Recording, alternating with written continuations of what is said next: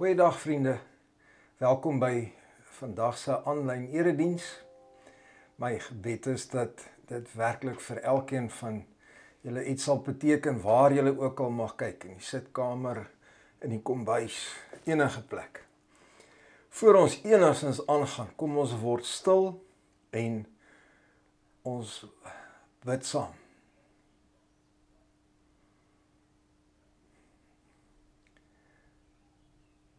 Here, ons raak bewus van wie U is. Die skepper van alles. Die onderhouer van alles. Ons Hemelvader wat vir ons oneindig liefhet. Wat ons nooit in die steek laat nie. Ons verlosser wat vir ons aan die kruis gesterf het. Ons trooster wat altyd by ons is, wat ons leer en lei in die waarheid.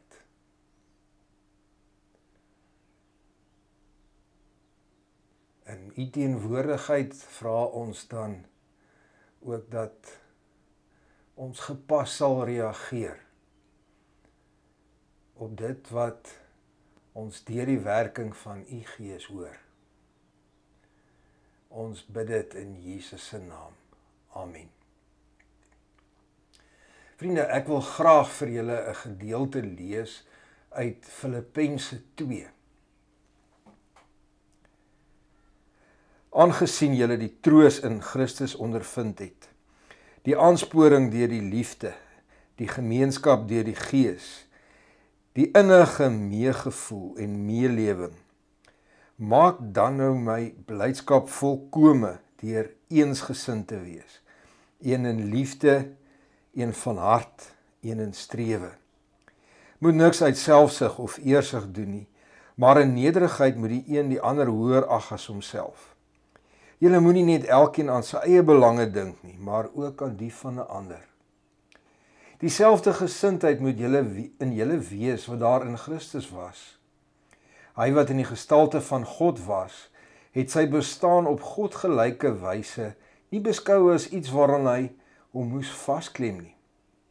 Hy het homself verneder deur die gestalte van 'n slaaf aan te neem en aan mense gelyk te word.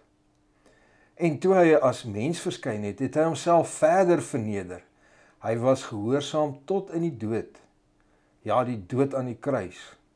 Daarom het God hom vir tot die hoogste eer verhef en hom die naam gegee wat bo elke naam is, sodat in die naam van Jesus elkeen wat in die hemel en op die aarde is en onder die aarde is, die knie sou buig en elke tong sou erken Jesus Christus is Here tot eer van God die Vader. Ons tema vandag is laat ander ervaar wat jy ervaar. Ek wil vir vir julle eerste 'n stukkie uit 'n rolprent speel. Ek weet nie of julle dit sal onthou nie, maar kyk net net gou-gou 'n bietjie hierna. That's me. That's me. And that's three people. And I'm going to help them. But it has to be something really big. Something they can't do by themselves. So I do it for them. Then they do it for three other people.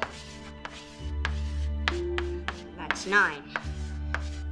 And I do three more. That's 20 seven, so I, am not really good at math, but it gets big really fast, you know? All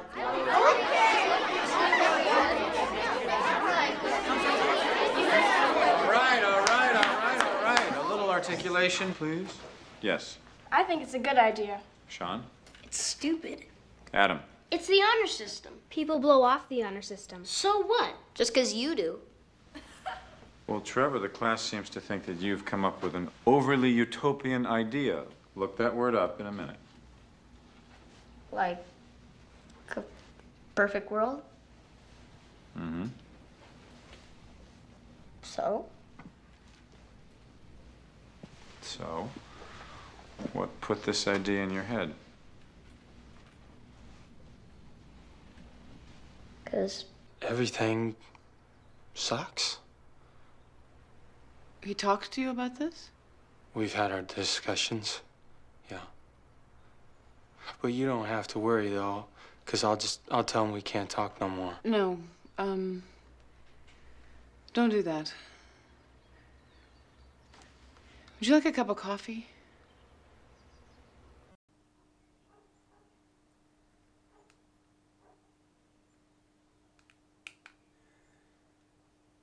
Kan julle die rolprent onthou? Die rolprent se titel was Pay It Forward. Van 'n klein seentjie wat gedink het sy droom was om vir drie ander mense te help. En daardie drie ander mense moes op hulle beurt vir drie onderskeidelik help en so vermeerder dit so drasties. Laat ander ervaar wat jy ervaar of dan kortom pay it forward. Ons lees in hierdie gedeelte hoe elkeen van ons Christus ervaar. Ons is nou in die lydingstyd en ons raak baie bewus van dit wat Christus vir ons doen, gedoen het aan die kruis. Hoe hy vir ons verlossing bewerk het, 'n ewige lewe gegee het, hoop gegee het. Ons lees van sy liefde wat ons ervaar. Hoe kan dit anders dat hy ons so liefhet dat hy aan die kruis vir ons gesterf het? Ons lees dat ons die teenwoordigheid van die Gees ervaar. Die meelewing, die ontferming, die omgee van die Here. Dit is nie maar net woorde nie. Christus het dit deur sy ganse lyding, sy sterwe, sy opstanding vir ons bewys en ons ervaar dit. En nou skryf Paulus dat ons dieselfde gesindheid moet hê wat Christus gehad het. En die gesindheid wat Christus gehad het met ons met ander woorde by it forward. Nou Christus se gesindheid is gevorm deur wat hy prys gegee het of hoe kan 'n mens dit sê Christus se gesindheid word beskryf deur dit wat hy prys gegee het. Hy het die gestalte van God gehad. Hy was aan God gelyk. En hy het dit nie as iets eh, beskou as iets beskou waaraan hy moes vasklem ten alle koste nie. Hy hy het dit prys gegee. Hy het dit laat los. En hy het die gestalte van 'n mens net soos wat ons is aangeneem. 'n Belangrike mens? Nee. 'n Slaaf? Ja. Die minste belangrik van alle mense in daardie tyd. Dit is die gestalte wat Christus aangeneem het. Kan julle nou dink hoeveel hy moes prys gee? Maar dan gaan Paulus verder en hy sê Christus het nie net sy gestalte, God gelyke gestalte prys gegee nie, hy het ook uiteindelik sy lewe prys gegee. Hy het aan die kruis gesterf. Nou die kruis was die skandelikste manier om dood te gaan in daardie tyd. Dit was gereserveer vir moordenaars, misdadigers. En dit beskryf Christus se gesindheid. Hy het alles prys gegee ter wille van ons. Hy het homself ten diepste verneder ter wille van ons. En Paulus sê dan Ons ervaar daardie liefde en die ontferming en die teenwoordigheid van die Gees omdat Christus so gesindheid gehad het. As Christus nie so gesindheid gehad het nie, kon ons nie droom om dit te ervaar nie. Ons gesindheid word ook omskryf deur wat ons prys gee. Paulus sê omdat ons hierdie ervaring van Christus het, moet ons eensgesind wees. Wat bedoel hy daarmee? Filippi was 'n handelsstad waarin mense van verskillende kulture en agtergronde en geleerdheid en status bymekaar gekom het. Hulle het beslis nie almal eners gedink en eners gevoel oor dinge nie. En ek dink nie dit is wat Paulus bedoel as hy sê dat 'n gepaste reaksie op dit wat Christus gedoen het is om eensgesind te wees nie. Ek dink wat wat hy bedoel met eensgesind is om die gesindheid van Christus te hê. Dieselfde gesindheid van liefde, dieselfde gesindheid in jou hart en in jou strewe, dit wat jy belangrik ag. En net soos wat Christus se gesindheid omskryf word deur die dinge wat hy prysgegee het, word ons om gesindheid beskryf deur die dinge wat ons moet prysgee. Paulus sê ons moet selfsug prysgee. Ons moet eersug prysgee. Weet daardie daardie ding in 'n mens se hart en in jou kop dat jy die belangrikste moet wees, dat alles moet loop soos wat jy jy jy jy jy. Uh, as jy selfsug en eersug prys gee, dan dan raak jy nederig. En dan kom jy baie na aan Christus se gesindheid. Want Christus se gesindheid het bewys hoe hy nederiger en nederiger en nederiger geword het. Om dieselfde gesindheid as Christus te hê is om jouself nie belangriker te ag as ander nie.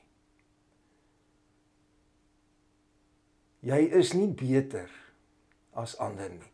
Jy's nie belangriker en jy het nie 'n hoër status as ander nie ander se belange is nie of jou eie belange is nie hoër as ander se belange nie.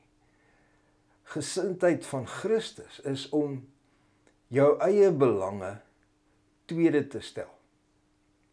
Het julle opgemerk dat die dinge wat Paulus skryf ons moet prys gee? Is die presiese selfde dinge wat Christus prys gegee het. En omdat Christus dit prys gegee het, het ons sy liefde en ontferming ervaar.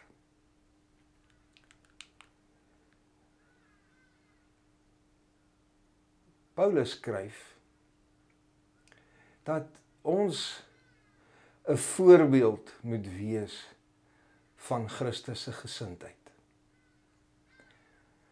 Wanneer mense sien hoe ons leef, dan moet hulle Christus se gesindheid leer ken. Hy skryf in hierdie gedeelte dat ons moet optree as ligdraers. Ligdraers.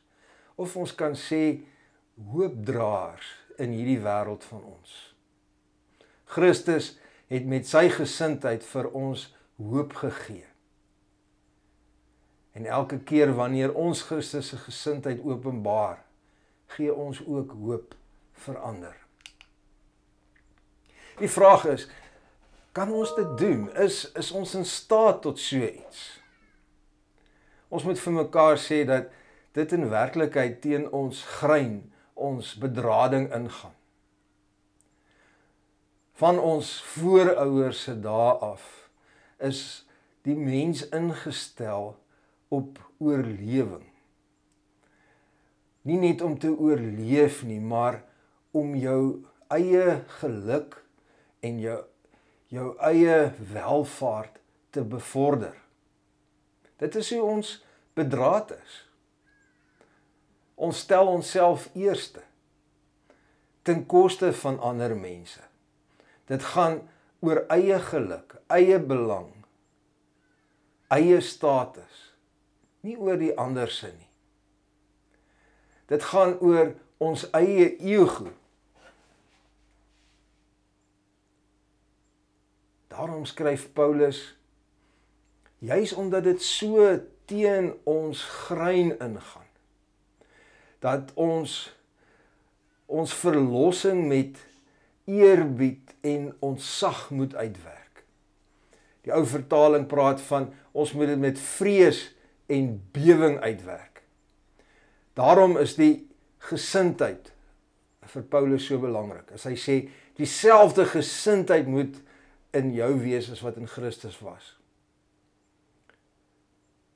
Dit is 'n lewenslange proses om dieselfde gesindheid te hê as Christus. Ja, ons gaan val. Ja, ons gaan misluk.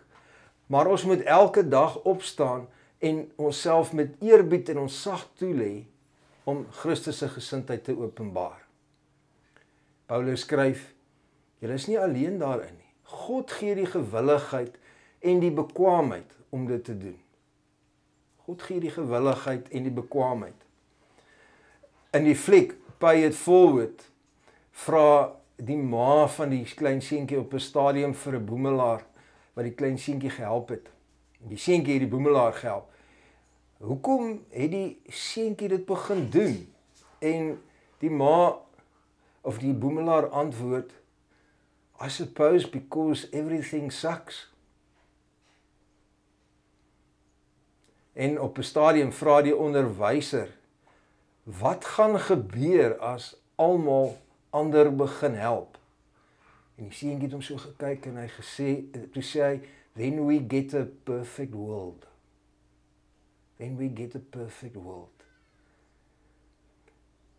as almal wat in Christus glo begin strewe om dieselfde gesindheid te hê as wat Christus het dan het ons hoop. Dan kry mense hoop. Want dan begin die wêreld lyk soos 'n perfect world. Dan begin die een die ander help om weer kop op te tel, om moed te skep, om nuwe hoop te kry. Mag ons dit so ervaar en mag ons daarna strewe om dit te doen, om dieselfde gesindheid as Christus te hê. Ek sluit af. Weet julle nou nou met die hele tyd van lent, die die lydingstyd van Christus. Gee ons mos nou altyd ietsie prys. Een besluit nee, ek gaan in die lydingstyd nie koffie drink nie en 'n ander besluit ek gaan nie lekkers eet nie, ander besluit ek gaan nie TV kyk nie ensovoorts ensovoorts. Wat van dat ons eerder dit wat Paulus sê begin prys gee. Ons eie ek, ons eie belang, selfsug, eersug. Ek dink dit is vir die Here belangriker dat ons dit prys gee en sy gesindheid openbaar as wat ons vir 'n bepaalde tyd op 'n koffie drink of lekker eet. Wat dink julle? Kom ons bid net saam. Here, hoe reageer ons op dit wat U vir ons gedoen het? Ons raak bewus van U liefde en U omverming en genade u gesindheid teenoor ons. Help ons. Want Paulus sê mos, dit is u wat ons gewillig en bekwam maak. Help ons om dan met u gesindheid te begin optree. En die dinge prys te gee wat hoop bring aan ander mense. Ons bid dit in Jesus se naam. Amen.